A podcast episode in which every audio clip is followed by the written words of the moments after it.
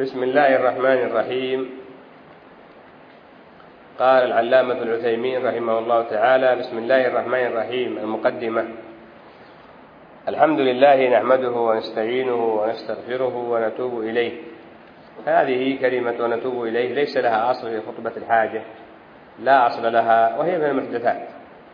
قال ونعوذ به من شرور أنفسنا ومن سيئات أعمالنا. من يهدي الله فلا مضل له ومن يضلل فلا هادي له. وأشهد أن لا إله إلا الله وحده لا شريك له وأشهد أن محمدا عبده ورسوله. صلى الله عليه وعلى آله وأصحابه ومن تبعهم بإحسان وسلم تسليما.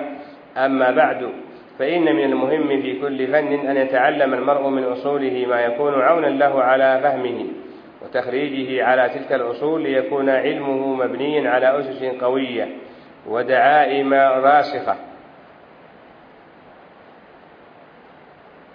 وقد قيل من حرم الأصول حرم الوصول أي من حرم أصول المسائل وأصول العلم ولم يتقنها لم يتقن أصول العلوم لم يصل حرم الوصول أي لم يصل إلى المراد ولم يصل إلى درجة العلماء الراسخين الربانيين. قال ومن أجل فنون العلم بل أجلها وأشرفها علم التفسير. يقول لك قائل نحن نسمع كثيرا من المعلمين إذا جاء للتفسير قال هذا أفضل علوم علم التفسير. وإذا جاء للتوحيد قال أفضل علوم علم التوحيد. وإذا جاء العقيدة قال أفضل علوم علم العقيدة. عندك ما هو الصواب من هذا؟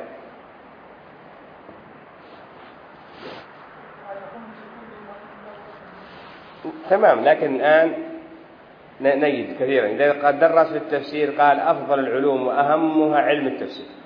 وإذا جاء يدرس في التوحيد قال أهم الواجبات علم التوحيد. وإذا جاء يدرس في العقيدة قال أهم شيء علم العقيدة. وإذا جاء يدرس في الحديث قال هذا العلم الذي لا يحسن لا يستطيع يفهم القرآن. طيب كيف الجمع وما الصواب؟ من سيجيب؟ هذه كلها وسائل آلات أننا إن قلنا علم التفسير فعلم التفسير يشمل التوحيد والعقيدة ويشمل هذه كلها؟ فيشمل العقيدة والفقه ويشمل ذلك. فإذا قال أفضل العلوم علم التفسير كلام صواب لأنه شمل هذا كله. إذا جاء إلى التوحيد وقال هذا أفضل العلوم أو للعقيدة معناها هذا لما نأتي للقرآن أهم شيء من علوم من علوم القرآن هو هذا داخل إيش؟ تفسير القرآن لأن القرآن توحيد ولأن القرآن عقيدة أيضا فهذا يكون إيش؟ جزئية منه. لكن ما يأتي الفقه يقول هذا أهم العلوم لا فإذا جاء للتوحيد أو العقيدة فهذه هي من علوم التفسير. التفسير يشمل هذا وغيره. وكذلك أن ماذا التفسير والحديث والعقيدة كلها لا يمكن أن يفهمها الإنسان إلا بمعرفة إيش؟ الحديث. فالعلم يترابط العلم كله يترابط. قال ومن أجل فنون العلم بل هو أجلها وأشرفها علم التفسير الذي هو تبيين معاني كلام الله عز وجل. قد قرأنا من كلام الأصبهاني والسيوطي أن كل شيء شرفه بشرف متعلق. فهذا العلم يتعلق بكلام رب العالمين. بفهم كلام الله بتدبره وما فيه من الأجر الكثير فلهذا هو أشرف العلوم ولينا في هذا كما سمعتم بقية الأشياء الأخرى فكلها تدخل في تفسير القرآن. قال وقد وضع أهل العلم له أصولا كما وضعوا لعلم الحديث أصولا وهو ما يسمى بمصطلح الحديث ولعلم الفقه أصولا وهو ما يسمى بأصول الفقه. كذلك وضعوا اللغة العربية للنحو قواعد قواعد للنحو قواعد الأساسية أو الأجرومية أو ما أشبه ذلك وضعوا قواعد للنحو أو ما أشبه ذلك. فهكذا أيضا وضعوا قواعد لعلم التفسير لفهم التفسير. قال وقد كنت كتبت من هذا العلم ما تيسر لطلاب المعاهد العلمية في جامعة الإمام محمد بن سعود الإسلامية. فطلب مني بعض الناس أن أفردها في رسالة ليكون ذلك أيسر وأجمع فأجبته إلى ذلك. وأسأل الله تعالى أن ينفع بها. نعم رسالة قيمة. وقد كتبنا بحمد الله قلائد الجوهر والتيجان على علوم القرآن رسالة حاولنا نستوعب ما في هذه الرسالة وزدنا عليها بما يكون بإذن الله جامعا في بابه. ولا يسلم النقص طبيعة الإنسان نقص لكن بما يكون إن شاء الله أجمع من غيره. حاولنا فيه جاهدين أننا نجمع فيما فات وما فاتنا. من في ذاك لطبيعة قادمة نضيفه نضيفه بإذن الله سبحانه وتعالى. قال ويتلخص ذلك فيما يأتي القرآن الكريم هذه عبارة عن فهرس.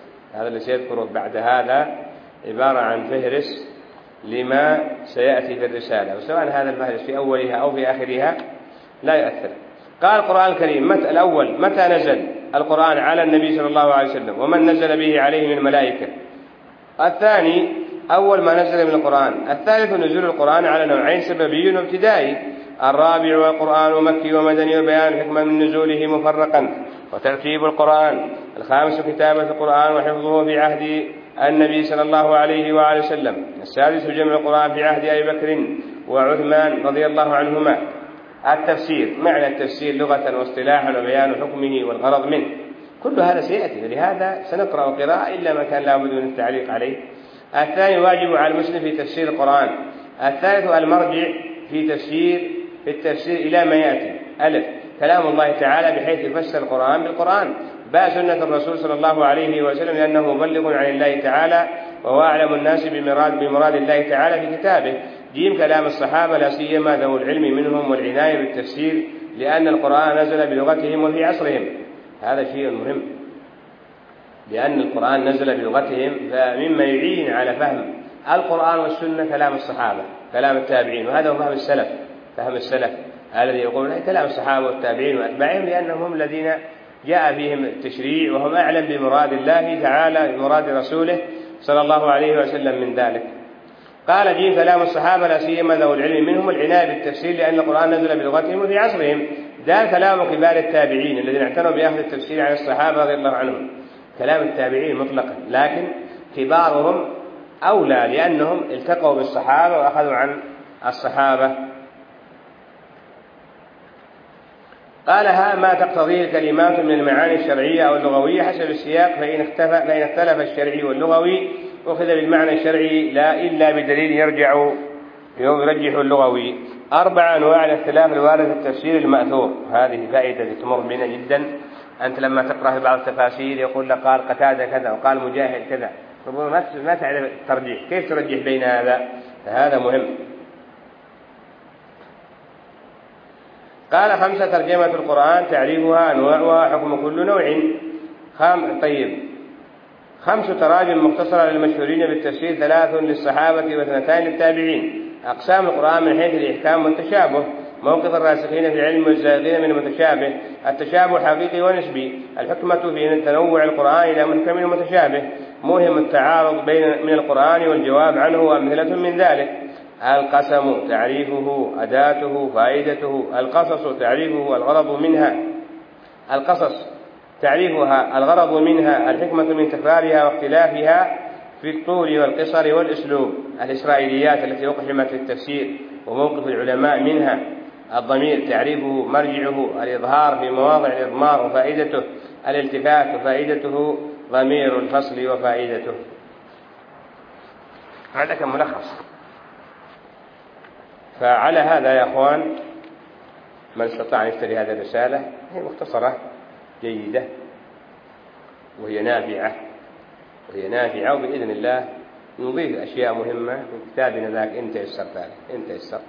وإلا في الحقيقة أن الاقتصار عليها جيد. الاقتصار على هذه.